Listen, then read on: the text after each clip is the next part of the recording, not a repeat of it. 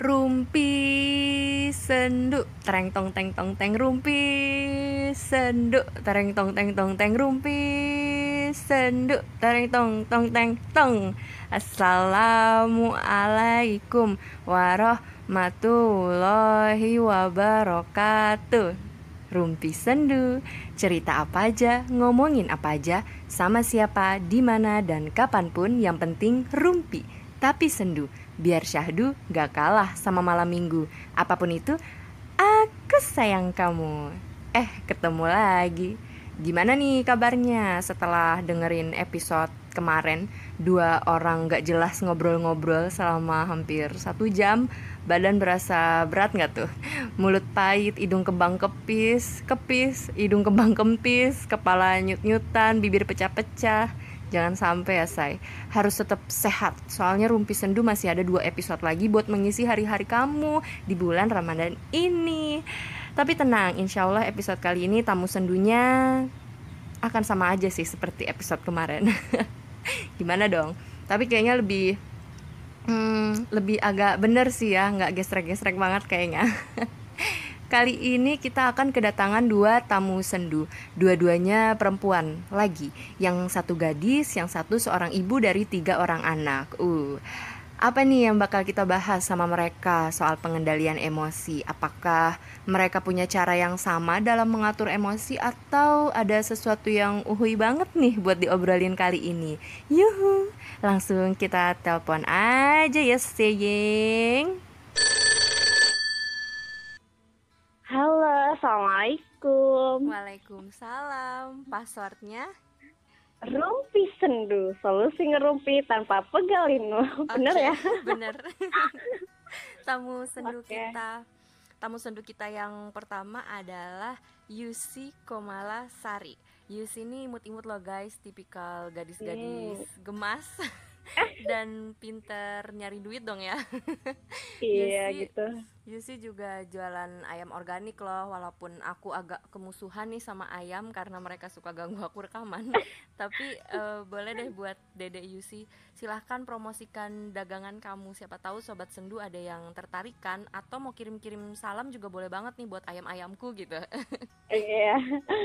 Em, hai para sobat sendu, sebelumnya jangan lupa ya follow IG @berkahchicken untuk yang mau tanya-tanya soal perayaman. DM aja nggak apa-apa. Em, btw aku merasa tersanjung nih bisa di bisa menemani kalian-kalian stay at home. Semoga telinga kalian aman say dengerin suara syahdu aku. Aman dong Kalau buat tanya-tanya eh, DM Yusi Instagramnya apa dong? Em, Masa yang, Eh, promo- eh. yang dipromosiin ayam doang? iya pro- promosi ayam aja. Oh promosi ayam aja Yusinya enggak Enggak usah. Enggak nih Enggak, enggak, enggak beneran mau. enggak usah. ya udah oke salam ya buat ayamnya ah iya siap. Yusi tanpa basa-basi langsung aja nih aku kasih kamu satu pertanyaan yang harus langsung kamu jawab Oke. apakah kamu orang yang tidak berperasaan Em, dulu sempet sih ya ngerasa kok hidupku tuh flat aja gitu. Heeh, Gini-gini aja, hambar banget lah pokoknya. heeh. Tapi nggak tahu deh, ini tuh bisa disebut nggak berperasaan atau enggak. Pokoknya setelah terjun ke dunia kerja, aku kayak nyaman gitu sih sama lingkup yang gini-gini aja. Paham gak sih? enggak ganti pertanyaan aja deh Iya udah. Yusi eh, kamu punya kekesalan berkepanjangan gak sih eh, sama sesuatu yang bikin Hmm. kamu tuh jadi eh pengen nampol pengen nampol pengen nampol gitu Em, kekesalan ya apa ya aku juga nggak tahu sih ini bisa disebut kekesalan apa enggak jadi dulu tahun 2018 akhir Hmm. pernah tuh ngalamin sesuatu yang enggak pernah aku bayangin Mm-mm. mungkin karena aku orangnya cuek nggak bisa memahami sikon juga kali ya jadi suatu hari aku pernah kayak yang mau jabat tangan sama seseorang yang dituakan Mm-mm. tapi aku malah ditolak gitu dan ditepis lah tangan aku kayak gitu Mm-mm. dan malah beliau bilang ke aku yang intinya tuh kayak gini aku nggak akan maafin kesalahan kamu Us. aku waktu itu shock banget dong ya. Heeh, jantung aku tuh kayak rasanya berdegup lebih dari kata cepat. Heeh. muka aku mungkin merah eh, lupa aku. Tapi aku mengeks mengekspresikannya biasa aja waktu itu. Mm-mm. aku aku ya jalan biasa aja di depan dia gitu. Karena sikonnya di situ banyak orang juga. Masih orang-orang terdekat sih. Mm-mm. tapi aku ngerasa nggak enak hati aja. Jadi aku memilih santai dulu lah. Mm-mm. terus sampai akhirnya temen aku nenangin kan eh, yang malah bikin aku semakin lemah. Oh dia Kata-kata- niatnya nenangin tapi malah bikin makin iya kayak Iya. hmm, gitu. Mm-mm. pokoknya masih lemah lah. Soalnya kata-kata orang yang dituakan itu bener-bener kayak terbayang terus di otak aku. Cara dia ngomong gesturnya mukanya terus menerus berputar gitu lah pokoknya. Mm-mm. sampai akhirnya aku nangis tuh. Aku nangis tapi nggak ngeluarin suara kan karena aku lagi di rumah orang lain jadi ya menjaga suasana lah. Mm-mm. aku berusaha tenang tenang mungkin biar nggak nimbulin sesuatu yang mengandung perhatian orang lain gitu. Terus sampai di rumah baru deh aku nangis nangis nangisnya di kamar mandi. Mm-mm. aku nangis sambil mandi gitu juga gitu malam-malam waktu itu. Nangis sambil berpikir "Eh, aku ngelakuin kesalahan kata apa ya? Sampai-sampai orang nggak mau maafin maafin Maafin kesalahan aku gitu terus eh, aku nggak tahu tuh bisa dibilang kekesalan apa enggak. Tapi yang jelas aku stres berat selama beberapa waktu. La- kalau ngeliat beliau tuh kayak bayangan-bayangan itu tuh kayak auto berputar gitu. Terus kalau eh, si temen yang tadinya nenangin tapi bikin lemah itu berarti dia benar-benar nggak bikin eh, kamu keluar dari masalah itu ya? Em, enggak sih tapi nenangin sih maksudnya kalau bener-bener keluar enggak cuma nenangin gitu lah Nenangin tapi bikin kamu tambah lemah. Em, iya Nenangin tapi bikin tambah lemah. jadi maksudnya eh, lemah artinya itu kayak makin Oh makin sedih. kepikiran kepikiran gitu Oh oh makin kepikiran. Tapi dia maksudnya nggak nggak jahat juga gitu ya? Enggak enggak, enggak Cuman enggak, jadi kayak omongannya dia tuh jadi kayak aduh iya gimana gimana gitu kali ya. enggak. Mm-mm, betul Oh, terus eh, udah sampai sekarang pun gitu 2020 Yusi masih belum tahu kalau Yusi itu salah apa.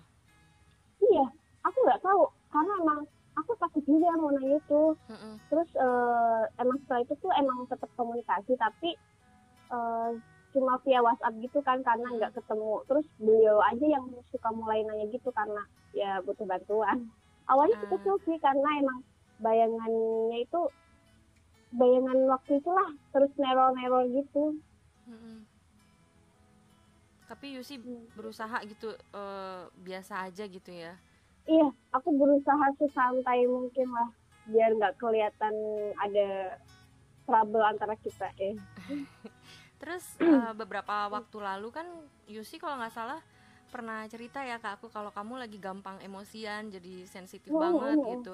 iya Apakah dari kejadian ini yang bikin Yusi jadi sensitif? kayaknya berlangsung beberapa bulan gitu deh aku stres soal itu terus Mm-mm. karena aku berusaha buat nggak mikirin itu aku terus mencari kegiatan kan kayak ngedengerin spoon radio atau Hmm. sesekali juga pernah nge-live di situ Oh, atau iya anak aku spoon iya dulu ya dulu. Dulu. Terus, pada pas trendingnya gitu kalau nggak salah.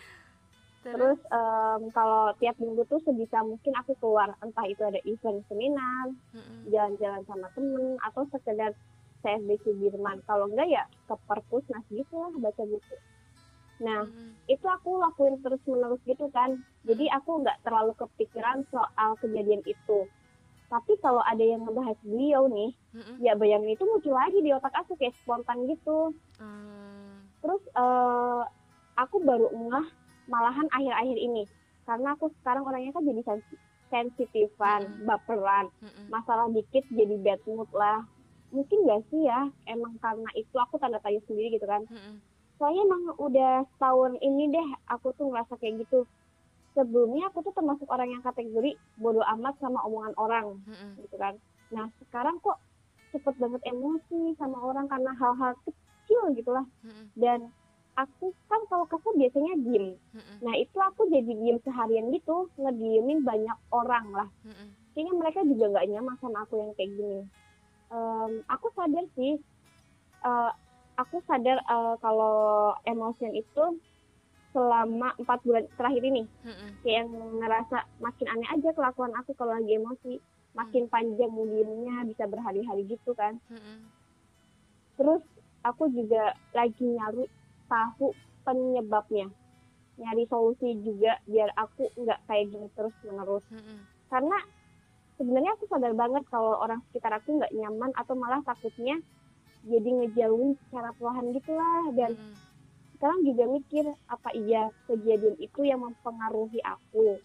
Jadi gitulah jadi takutnya yang lain juga nggak mencoba untuk ngomong terus diem-diem juga dan diem-diem ngejauh gitu kan? Iya iya aku takutnya kayak gitu bisa jadi sih karena emang eh, belum sepenuhnya nerima kayaknya sih masih ada di pikiran. Soalnya kan masih tiba-tiba suka kebayang berarti kan masih sangat kuat di dalam diri Yusi Iya. gitu.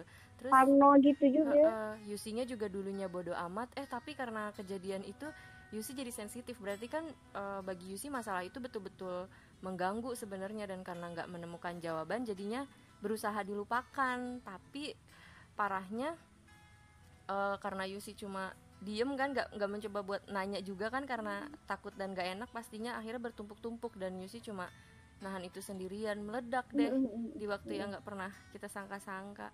Kayaknya butuh temen deh Yus maksudnya kayak mm, yang mau ngertiin dan nerima Yusi gitu sekarang terus sama-sama Mm-mm. mengubah emosi buruk itu jadi lebih positif. Kan kadang kita butuh orang lain juga kan. Iya iya benar-benar terus eh, Yusi udah ngerasa ada yang beneran ngejauh gitu atau cuma ketakutan aja perasaan-perasaan aja? Em, bener-bener ngejauh sih nggak ada ya. Mm-mm. paling kayak jaga jarak gitu sih. Aku Mm. rasa itu wajar sih ya karena mungkin itu juga bentuk support mereka kalau dari segi positif ya. Dalam artian kayak yang mereka tahu kalau aku butuh lebih banyak waktu untuk menyendiri gitu. Tapi butuh waktunya nggak sampai setahun kan ya? Oh enggak maksudnya ya bisa di inilah Gitu. bisa diatur lah Iya jadi bisa dikondisikan lah. Mm. Tapi dari semuanya udah ada yang nanyain keadaan Yusi belum sih kayak kamu kok berubah sekarang? Apa kamu ada masalah gitu atau mereka yang cuek-cuek aja? Em, dulu sih awalnya iya Mm-mm. tapi akunya juga kalau ditanya tuh malah sati sensitif Sensitif. gitu lah Mm, jadi diem aja kalau ada yang nanya gitu terus eh, harusnya kan aku juga terbuka ya biar Iya. lebih tenang Jadi kayak aku enggak semua orang jadi bingung gitu. iya kayaknya Kenapa aku sih bikin orang bingung dengan keadaan Yusi yang eh, sensitif gini, Yusi ngerasa hidupnya lebih berwarna gak sih? Dulu kan hambar tuh datar Ah. gitu. Kalau sensitif kan banyak emosi dong. Jadi kayak apa ya menurut Iya, aku iya. kelihatan aja gitu ketika kita meluapkan emosi gimana cara orang terdekat kita menyikapi keadaan dan di situ kita juga bisa melatih diri kita kan di hadapan konflik. Oh, ternyata ketika begini si A responnya begitu. Oh, kalau si C responnya Iya, begono gitu. Terus nanti ada yang jadi makin akrab. Biasanya gitu bisa jadi makin akrab ketika eh, ada konflik gitu. Ada juga yang makin jauh eh, ketika ada konflik. Jadi kayak emosi itu bisa kadang bisa nyaring pertemanan, pertemanan juga gitu, ya ha-ha. oh iya iya bener-bener atau malah banget. Yusi ngerasa ah nggak mau aku mau kembali seperti kehidupanku yang dulu tidak aku tidak mau seperti ini aku muak gitu Eh, gimana ya terus deh aku tuh sebenarnya sekarang ini lagi cepet sensian Mm-mm. kemudian gampang emosi nah aku takut kalau terus-terusan kayak gini malah jadi kehilangan segalanya karena emosi aku ini jadi Iya. serba salah maunya tuh baik-baik aja tenang ya. Kayak dulu lah. Berarti emang cuma aku ya yang suka ribut. Eh seru aja gitu. Enggak aku enggak. Aku bukan tipe kayak gitu. Sampai sekarang berarti Yusi uh, masih terus mencari cara gitu. Gimana biar bisa kembali nggak emosional? Iya gitu. Aku tuh Hmm. sempat mikir apa aku punya gangguan jiwa Hmm. gitu ya ya ampun. Makanya aku waktu itu sempat kan ikutan seminar soal kejiwaan gitu kan sama Mm-mm. kajian iya. Sempat juga nanya-nanya saran ke temen lah yang ju- kuliah jurusan psikolog Psikologi, gitu. Mm-mm. terus hasilnya lebih tenang atau malah enggak? Belum. Solusinya Belum. belum ketemu sebenarnya. Mungkin kapan-kapan gitu coba konsultasi ke psikolog aja gitu Yus. Bener gitu ya. Iya ntar aku temenin deh. Itu bisa aja Prian aja. Kenapa Japrian aja ngomongin iya, itu. itu iya bener. uh, terus setelah mengalami beberapa bulan ini dengan menjadi orang yang sensitif dan kebetulan kan keadaan lagi kayak sekarang kan nggak ke mana-mana pasti makin yes, susah yes. gitu untuk mengasa, mengatasi emosi itu gitu. Yusi gimana nih buat menghadapi kenyataan ini? Makin pecah emosinya saat saat sekarang ini atau udah sedikit menemukan cara buat menghandle itu? Nah, aku stres sih dengan hmm. keadaan kayak gini. Iya, Sumpah banget nggak bisa ke mana-mana kan. Jadi aku ngurangin kadar stresnya itu paling kayak baca bukunya. Sekarang tuh lagi baca bukunya putut Ea, mm -mm. baca wetpad, mm -mm. uh, kadang sempetin nulis juga, atau mm -mm. kadang nge-youtube aja seharian gitu. Oh ya, mm. kadang juga aku karaokean sendiri atau take foto gitulah. Aku kan orangnya narsis ya.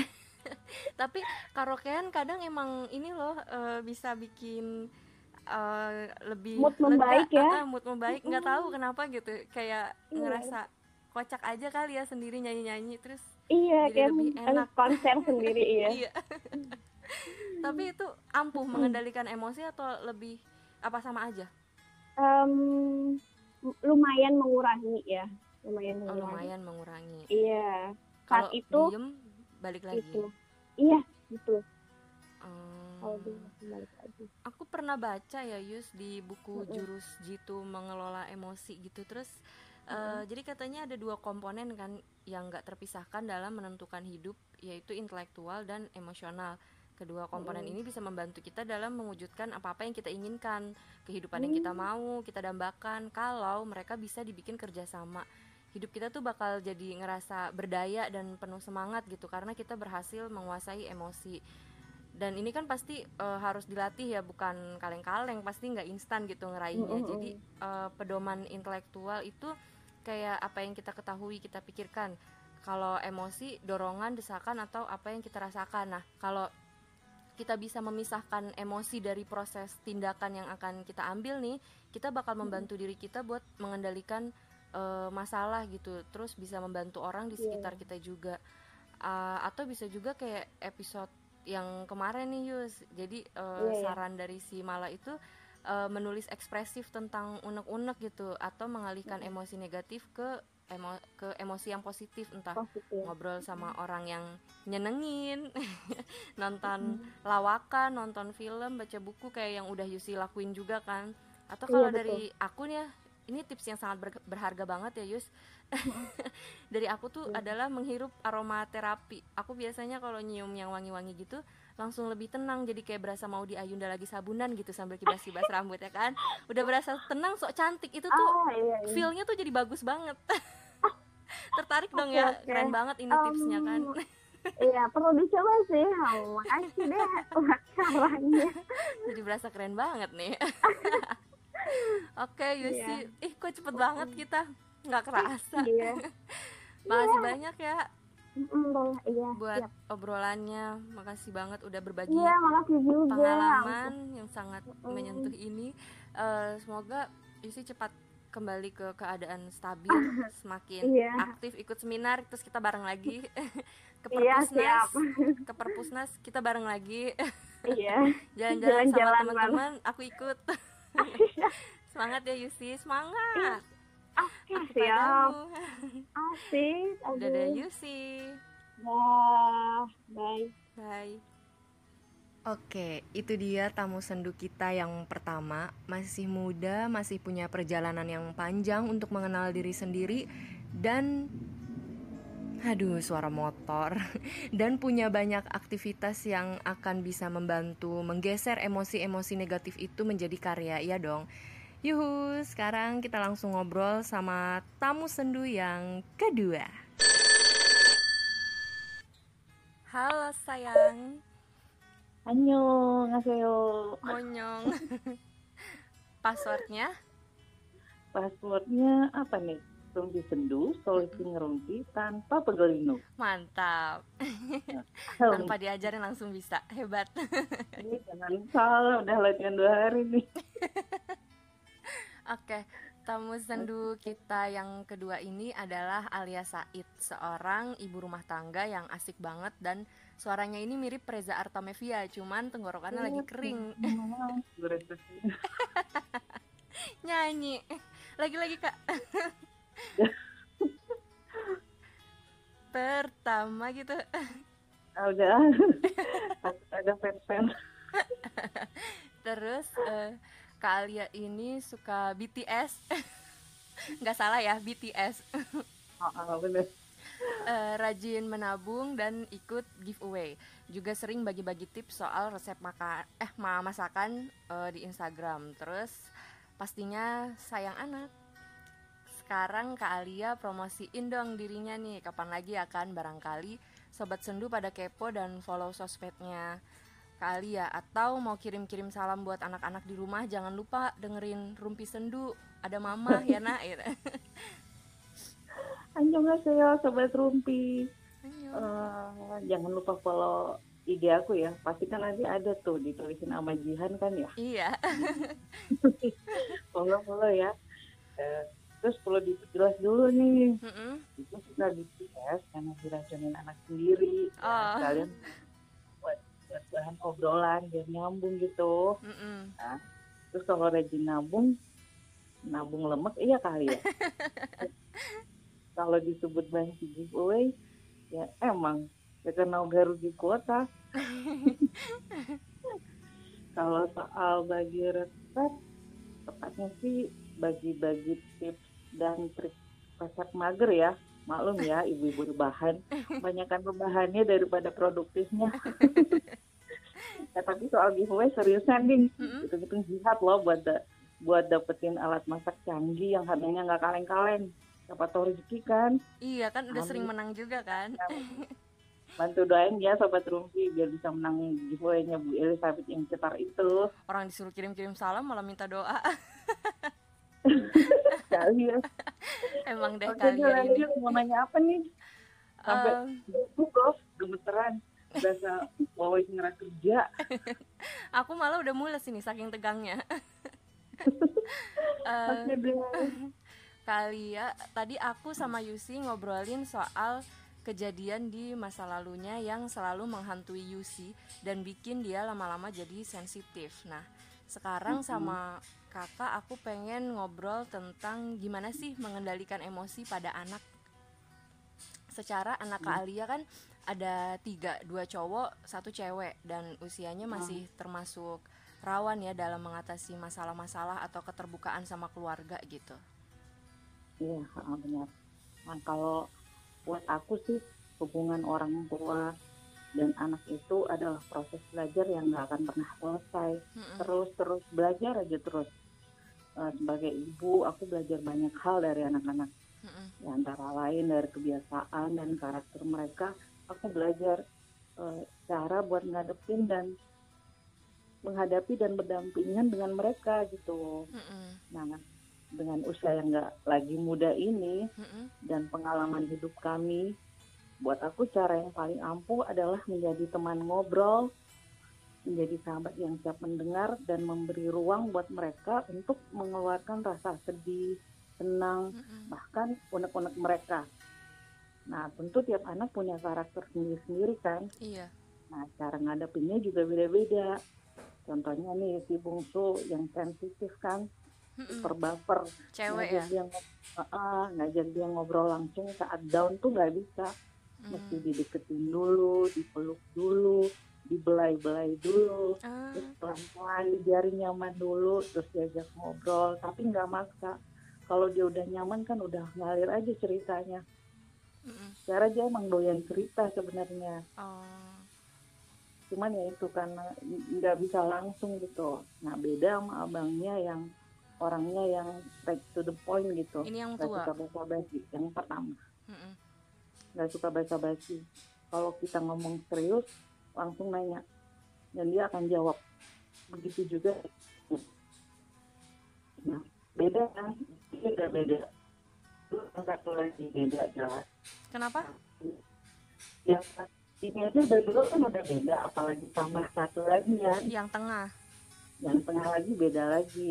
Beda lagi treatmentnya nah kebanyakan anak remaja tuh kan nggak sabaran ya nggak sabaran ngedenger ceramah panjang lebar yang kesannya mendikte Mm-mm. harus begini jangan begitu bla bla bla apalagi anak cowok Mm-mm. ini ini pengalaman pribadi ya nggak nggak nggak mungkin nggak berlaku untuk semua keluarga tapi ini aku ceritanya based on my family kan my own Mm-mm. ya kan Iya. Mm.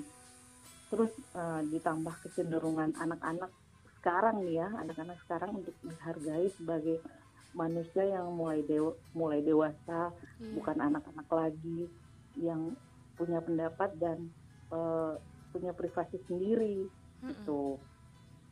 Terus jadi kalau ditanya gimana cara mengendalikan emosi anak-anak, ya kalau menurut aku ya dengan cara mengendalikan emosi kita orang tuanya, Mm, mm-mm. ya kan? Karena kadang-kadang orang tua tuh naluriah ya, keponya tuh maksimal, Iya, bener. serba pengen tahu, serba pengen kamu ke mana dia lagi ngapain ngapain Iya. gitu kan ya? Iya. Sama aku juga dulu gitu, pengen tahu semua. Ngerasa kedudukan orang tua tuh sebagai penanggung jawab anak memberi kita hak untuk merasa paling tahu, eh, paling tahu apa yang paling benar buat anak-anak. Iya. Ngerasa bahwa anak adalah sepenuhnya milik kita, jadi ya terserah kita. Sampai kita lupa tuh anak-anak juga manusia loh yang punya pikiran dan perasaan sendiri. Mm-mm. Gitu. Punya kemauan sendiri gitu ya. Ah, itu. Terus emosi yang dipendam aja kan sama nggak sehatnya dengan emosi yang meluap berlebihan. Mm-mm. Jadi ya emang perlu dirilis, jangan dipendam. Tapi jangan juga berlebihan ngerilisnya. Ya udah kalau pengen nangis nangis aja, pengen sedih-sedih aja. Bahkan pengen marah ya marah aja. Tapi nggak berlebihan sampai berlebihan. merugikan atau melukai diri sendiri, sendiri, apalagi ah. orang lain. Mm-mm. Mm. Kalau ditanya caranya, buat aku pribadi, apa ya? Mungkin lebih sering-sering meluangkan waktu untuk ngobrol dengan anak-anak. Mm-mm. Jadi lebih apa? Ininya lebih klik gitu loh. Mm-mm. Sambil cerita atau ngobrol, misalnya diselipin sedikit-sedikit nasihat atau contoh kasus Mm-mm. atau mungkin nonton film yang yang punya pesan-pesan uh, self healing atau loving yourself Mm-mm. lalu diobrolin bareng-bareng sambil bercanda aja anak-anak kan ya apalagi anak-anakku umurnya kan nggak sama kan Iya. yang satu mungkin bisa diajak serius yang satunya mungkin cepat bosenan kan Mm-mm. jadi kalau bercanda paling nggak bisa masuk ke mereka lah dan dari ya alhamdulillahnya sih dari kecil kami udah deket ya jadi Itu jadi itu sih lebih bikin- mempermudah ah, ah. ya karena dari kecil itu Oh. udah deket. iya gitu sih jadi intinya komunikasi Hmm. menjadi sahabat yang baik tentu saling sharing dan jadi sohibnya anak-anak nah insya Allah apa pun ada solusinya lah kalau diomongin bareng-bareng ya dibantu doa ya namanya orang tua gitu Mm-mm. Tercerahkan sekali. Ini ini obrolan di episode kemarin nih Kak ngebahas soal peluapan emosi yang berlebihan, yang satunya cenderung mendem terus yang eh, sama kayak Yusi juga, yang satunya cenderung eh, terlalu mengeluarkan gitu sampai pernah menyakiti orang lain gitu. Terus. Kak Halo? Ya halo Terus terus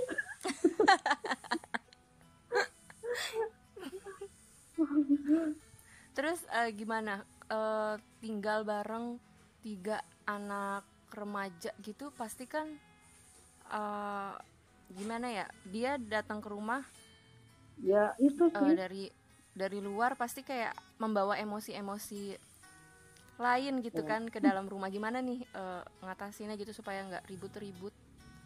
ya balik lagi sih Mm-mm. kuncinya aku tuh percaya komunikasi tuh jadi kunci kunci suatu hubungan ya Mm-mm. jadi yang ngobrol Iya, ya, karena di mana pun rumah dengan tiga anak remaja punya karakter beda-beda usia beda-beda tentu aja ada hal-hal yang bisa memicu kesalahpahaman entah dari mereka sendiri atau Iya. dari dalam rumah atau dari luar rumah.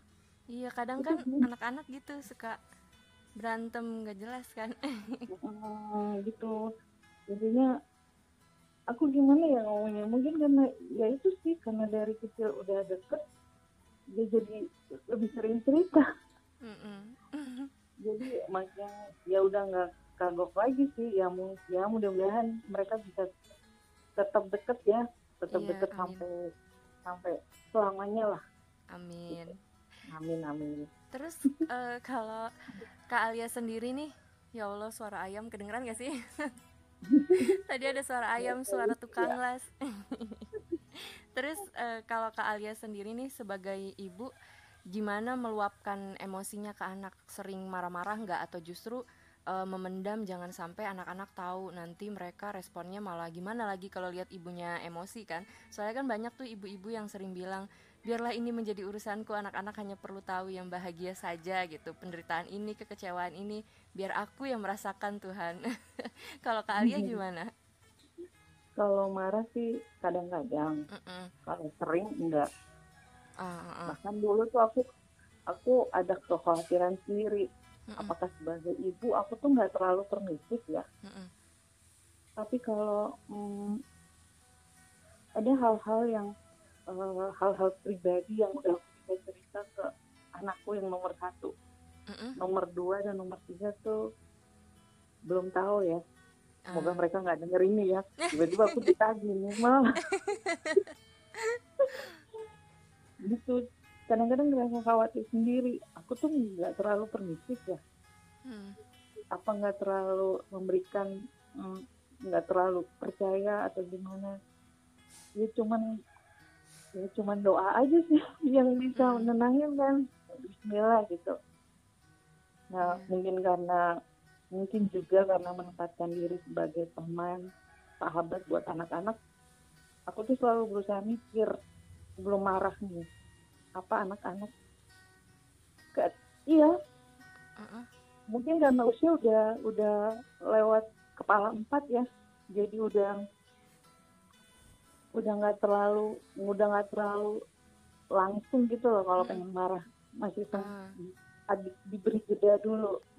Mikir apa anak-anak nggak sakit hati? Apa nggak merasa direndahkan? Apa nggak merasa disepelekan kalau aku emang harus marah? Gitu. Hmm tapi anak-anak tahu sih marahku tuh diem. Itu alarm buat mereka tuh. Ketika aku masih bisa ngomel bawel langsung anak-anak ngerti bahwa marahku masih dalam batas normal. Mereka tuh nggak segan untuk ngeluarin pendapat unek-unek atas hal yang menjadi yang membuat aku marah. Gitu. Nah kalau udah diem mereka ngerti aku butuh waktu sendiri dulu dan biasanya nggak lama aku tuh masuk kamar dulu. Mm-hmm. kadang cuma baring mikir. Kadang juga nangis loh tapi udah uh, udah nggak nggak nggak lama uh-uh. begitu aku keluar kamar cara ngerilis emosi kok kali ya nangis. Iya kayaknya emang seringnya gitu ya diam-diam terus nangis gitu. Hmm, kadang juga cuma diam-diam aja. Begitu hmm. aku keluar kamar udah nyoba. Kadang sih nggak pengen ngomong tapi aku mikir kalau aku nggak mulai terus berharap anak-anak yang mulai ngomong hmm. Hmm, iya kalau mereka ngomong kalau nggak iya jadi diem-dieman terus. Uh -uh, jadi aku tuh ngomel-ngomel. Nah kalau aku udah ngomel-ngomel mereka tahu marahku udah reda dan waktunya kami ngobrolin ngobrol lagi. Maunya apa nih gimana nih? Tadi kenapa apa kalau yang anak nomor satu kan udah bisa diajak ngomong serius ya mm -mm. Uh -uh. kalau bareng bertiga tuh mm -mm. lebih lebih santai kalau ada yang lebih private lebih lebih serius paling aku ngajak yang nomor satu itu pun kadang kalau adik-adiknya udah udah santai sendiri gitu ya mm. gitu sih emang sebagai orang tua tuh harus ini ya tiap anak tuh emang di uh, perlakukannya itu beda-beda. Nggak bisa disamain semua gitu ya. Enggak soalnya kan ya walaupun makan makanan yang sama lahir dari rahim sama. Ya sifat karakternya beda-beda. Mm -mm. sih. Terus uh, kalau misal abis diem nih terus balik lagi ke anak-anak gitu ada rasa malu gitu nggak sih kak tiap habis marah? Jadi kayak aduh gimana nih ya mulainya? Gitu natural aja gitu kali atau ada kayak gimana? Kalau um, aku dibiarin aja dulu enggak sih? Mm -mm, atau terus nunggu dia bakal balik lagi enggak mm -mm. Eh, gimana ya? Aku merasa kami tuh udah cukup cukup Dekat. terkonektif ya Aha. soalnya seile jadi saling jadi saling percaya dan ngerti aja. Ya kadang aku iseng nanyain ya kalau Mm-mm. mereka lagi bete lagi bete ya ada apa? Nggak apa-apa mah ada urusan sama temen. Oh ada apa emang? Enggak enggak ada apa-apa. Ya ya udah berarti dia belum pengen cerita. Mm-mm. ya saling percaya aja nah kalau soal malu Mm-mm. nah, pernah tapi jual mahal. Dasar. Tapi anak-anak malah balik ngerjain. Akunya dicuekin dong. Tapi nggak lama habis itu aku dipeluk terus Mm-mm. saling sambil sambil pelukan sambil ngotot-ngototan lagi. Lagian mama sih ah enggak abang tuh yang salah gini-gini ya gitu-gitu aja sampai nggak kerasa udah ketawa bareng lagi. Emang deket banget ya? berarti ya dan hangat gitu Heeh. hubungannya. Alhamdulillah mudah-mudahan sampai seterusnya ya. Iya amin. Amin, Eh, terus nih kak anak-anak mah tahu tuh anak-anak mah tahu ibunya dipeluk aja udah. Hmm, udah seneng. Udah- cuma butuh pelukan. Iya bener. Terus nih kak eh, gimana sih eh, kakak ngatasin perubahan sikap dari anak-anak? Kan eh, biasanya kalau lagi remaja tuh suka tertutup gitu ya sama orang tua entah tiba-tiba malu ngomongnya atau karena lagi asik-asiknya sama temen kali gitu ya. Jadi apa-apa tuh lebih ke temen gitu. Soalnya aku pernah eh, jadi ada seorang ibu yang bingung kak karena dia sama anak-anaknya tuh akrab bersahabat juga selalu ngebebasin gak pernah ngekang mendukung anak-anaknya gitulah. Tapi tiba-tiba anak ini berubah jadi tertutup dan benar-benar lebih mempedulikan teman-temannya gitu. Apa kata temennya dia nurut tapi kata ibunya malah udah nggak dihiraukan lagi gitu. Jadi ibunya nggak tahu masalahnya itu apa diajak ngobrol balik baik-baik eh, bilangnya cuma nggak apa-apa terus gitu. Tapi perubahan sikap itu kan betul-betul menyakiti seorang ibu kan pasti gitu. Jadi kalau menurut Kak Alia gimana nih ngatasin perubahan sikap anak yang kayak gitu aku tuh bingung nih jawabnya. Soalnya Mm-mm. jawabannya jawabannya bakal itu lagi itu lagi. Ah, dan tergantung Ya, keluarga itu. masing-masing ya. Iya kan? Ya, dan karena sama-sama dekat. Perubahan sikap anak-anak tuh pasti nggak tahu ya langsung berasa aja. Tanpa Hmm. diomongin pun udah tahu hmm, something wrong nih gitu. Mm-mm. naluriah mungkin ya. Iya. Intuisi ibu aku tuh percaya ya selagi mereka belum mau cerita. Berarti hal itu masih dalam batas wajar. Dan aku percaya anak-anak tuh bisa ngatasinnya lah. Mm-mm. tapi standar tiap keluarga kan beda-beda ya. Iya. Anak-anak tuh tahu mereka bisa ngandelin ibu mereka. Susah senang mereka tahu. Aku tuh selalu aja dan aku juga bisa ngandelin mereka. Suka jadi mewek iya ada ada ada ada hal-hal ada cerita hidup lah yang nggak bisa aku omongin Mm-mm. di sini. Iya. Yang yang bisa bikin kami apalagi yang nomor satu ya Mm-mm. bisa jadi ini jaga aku ibunya gitu lah. Iya tenang tenang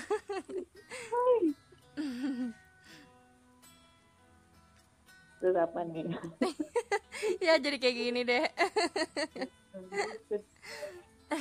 Pokoknya menjaga kepercayaan gitu ya kak ya. Hmm, Dan saling mendoakan. doa sih itu sih. Iya doa. Kan nggak bisa ngejagain mereka 24 jam. Iya. Pokoknya di rumah udah. Dulu inget Mm-mm. sampai apa ya, mereka tuh nggak yang nomor satu tuh kelas 2 apa kelas 3 SMP ya pernah sampai cerita ke aku ngeliatin foto cewek gitu lah. Mm-mm. pertama kali suka cewek mungkin suka banget. Mm-mm. mas cakep nggak? Aku tuh ngomong, ih anak orang jangan diapa-apain loh. Enggak cuma dibonceng naik motor doang. Oh ya udah ya. Gitu. Dan respon ke Alia juga nggak ini ya, nggak berlebihan. Kan biasanya ada orang tua yang eh, ini cakep nggak? Ih kamu ya nggak boleh pacaran ya masih kecil ah, gitu kan? nggak tahu ya mungkin karena apa ya mungkin karena ngerasain ya ngerasain Masa muda. ya pernah muda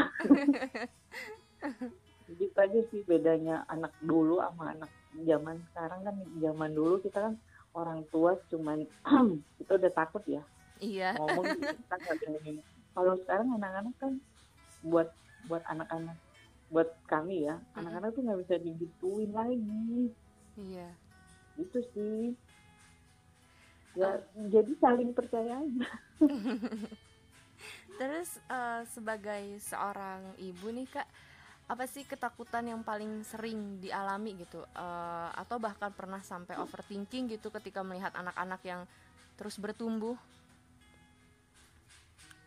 Ketakutan. Apa ya? Aku tuh cuman aku tuh orangnya overthinking bener Iya. dan masih terus belajar supaya berpikir sewajarnya aja. Aku tuh anak aku tuh takut anak-anak nggak cukup tough gitu ngejalanin hidup di kerasnya dunia ini. Di antara hidupnya takut ketemu orang-orang. Yang cuman manfaatin ketakut ketemu. Itu cuman aku ngomong gini kalau kita pikirannya berpikir yang enggak enggak Mm-mm. itu takutnya udah beneran kan ya Iya katanya sih kalau gitu. pikirannya positif semesta juga ikut mendukung memberikan hal positif Iya. kalau disebut ketakutan itu ketakutannya tapi semoga enggak Mm-mm. semoga anak-anak terus apa sambil ber, sambil terus berdoa sih saling menguatkan saling percaya. Aku tuh berharap anak-anak bisa menikmati hidup mereka Amin.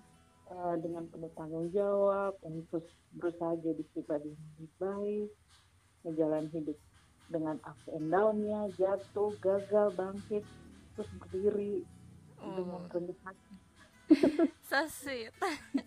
Tapi gimana ya ini agak eh, susah untuk aku pahami karena ibunya ini kan sombong banget ya. Kok berharap anak-anak mampu bangkit dan berdiri dengan rendah hati gitu. Secara ibunya aja tuh eh, sampai sampai buat grup kesombongan yang isinya tuh pamer doang kan. Nggak masuk akal ini tolong jangan jangan diem-diem nyombong lagi kayak gini dong. Oke, itu cuma hiburan. Tapi gini loh, kalau buat aku ya, gagal jatuh itu bagian dari proses hidup bangkit, terus berdiri dengan rendah hati itu maksudnya jangan pan, jangan karena pernah ngerasa bisa melalui satu fase dalam hidup, Mm-mm.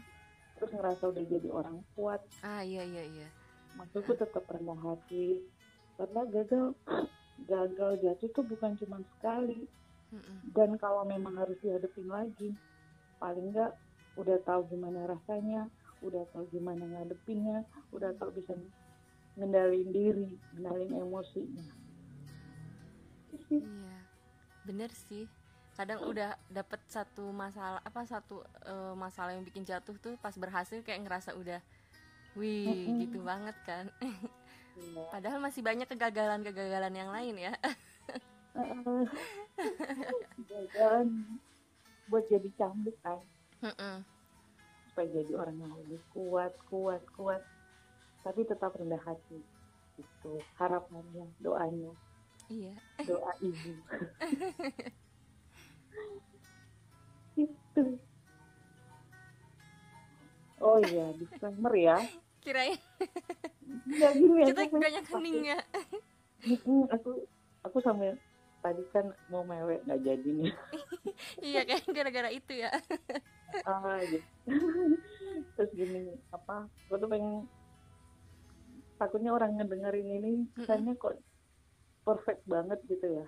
Padahal enggak. enggak. Enggak biasa sama kok dengan keluarga lain. Mm-mm. ada keselnya ada bete-nya ada ribut-ributnya di rumah. Cuman yang yang minta di share yang positif kan. Iya. Masa yang negatif? Hmm. terus proses parenting ini kan dimulainya sejak anak-anak masih kecil ya. Iya. Karena dulu aku ngerasa nggak dekat dengan orang tua. Mm-mm. dan nyalahin orang tua banget atas hal-hal yang yang kurang kurang berkenan gitu loh. Mm-mm. Ngerasa diabaikan mungkin karena aku dan orang tua dulu jarang banget ngobrol Hmm. jadi mengubah ngobrol itu ini yang uh, uh, di yang aku pengen sendiri. bawa ke anak-anak gitu loh. Mm. makin ke sini jadi mikir apa iya aku nggak bisa berusaha jadi sahabat buat anak-anakku sendiri gitu loh Mm. paling nggak aku jadi tempat rumah rumah pertama mereka buat ngeluarin sedih senang marah apa pun. Belajar dari Aku percaya. pengalaman. Mm-mm, anak aku tuh percaya anak-anak tuh akan mendekat kok. Kalau mereka ngerasa aman dan nyaman. Oh berarti anak-anak yang susah deket sama orang tuanya karena dari orang tuanya itu ya yang kurang bikin mereka aman dan nyaman Hmm, aku nggak nggak bisa Gak gitu jawab. sih. Ya tapi mungkin eh, salah satunya kalau- karena itu juga. Ah, kalau kalau aku iya mungkin. Itu Mm. sih kalau aku ngerasanya itu. Itu sih. Tapi ya kembali ke keluarga masing-masing ya. Iya. Setiap orang tua kan punya cara parenting sendiri-sendiri. Mm-mm. mungkin ada yang kurang berkenan dengan eh, omongan omongan doang ini. Omdo ini atau dengan gaya gaya kami ya nggak Hmm. apa-apa. Toh aku juga masih terus belajar kok. Mm-mm, masih panjang perjalanan ya Mas- berusaha supaya tetap menjadi sahabat orang tua yang lebih baik buat anak-anakku gitu. Hmm. Oke, seru banget obrolannya eh, apa banyak. jangan sampai eh, anak-anakku tahu nomor dua nomor tiga denger nih Tapi kan pada nagih pada "Ini yang belum diciptain yang mana iya nih yang mana nih? jangan tolong ya, tolong jangan denger. Oke Nika, makasih banyak ya harus berakhir kemesraan kita. makasih banget udah berbagi tips dan berbagi pengalaman menurut anak kepada para sobat sendu yang haus kasih sayang ini. Semoga eh, keluarga Kak Alia makin harmonis, makin deket sama anak-anak, sehat terus, eh, makin rajin nonton bareng dan masak-masak bareng. Soalnya banyak banget kan ya kalian aktivitasnya gitu seru-seru gitu. Keluarga sombong ini ya. Keluarga yang suka maskeran bareng sambil boboan. Ya, lumayan Seru banget. buat- di grup WA sombong Iya. Banyak belajar nih Jangan dari saya Jangan ya sobat Jangan. beneran loh banyak belajar dari pengalaman Kak Alia buat yang ingin eh, menikah dan punya anak. Eh, ingat baik-baik pesan Kak Alia yang ini. Cara mengendalikan emosi anak adalah dengan cara mengendalikan emosi kita sendiri sebagai orang tua. Weh, cakep. Sampai bungkus ya eh apa? Sampai ketemu lagi di Rumpi Sendu selanjutnya. Dadah Kak Alia, dadah Yusi, dadah semua. Annyeong. Nah, itu dia dua tamu sendu kita di episode kali ini. Hmm, makasih ya udah dengerin semuanya. Sampai ketemu lagi di episode selanjutnya. Dadah. Untuk tamu-tamu senduku, ayo sama-sama kita ucapkan Rumpi sendu, cerita apa aja, ngomongin apa aja, sama siapa, di mana dan kapan pun. Yang penting rumpi, tapi sendu, biar syahdu nggak kalah sama malam minggu. Apa pun itu, aku sayang kamu. Aku sayang kamu. Sayang, kamu. Rumpi sendu, dah.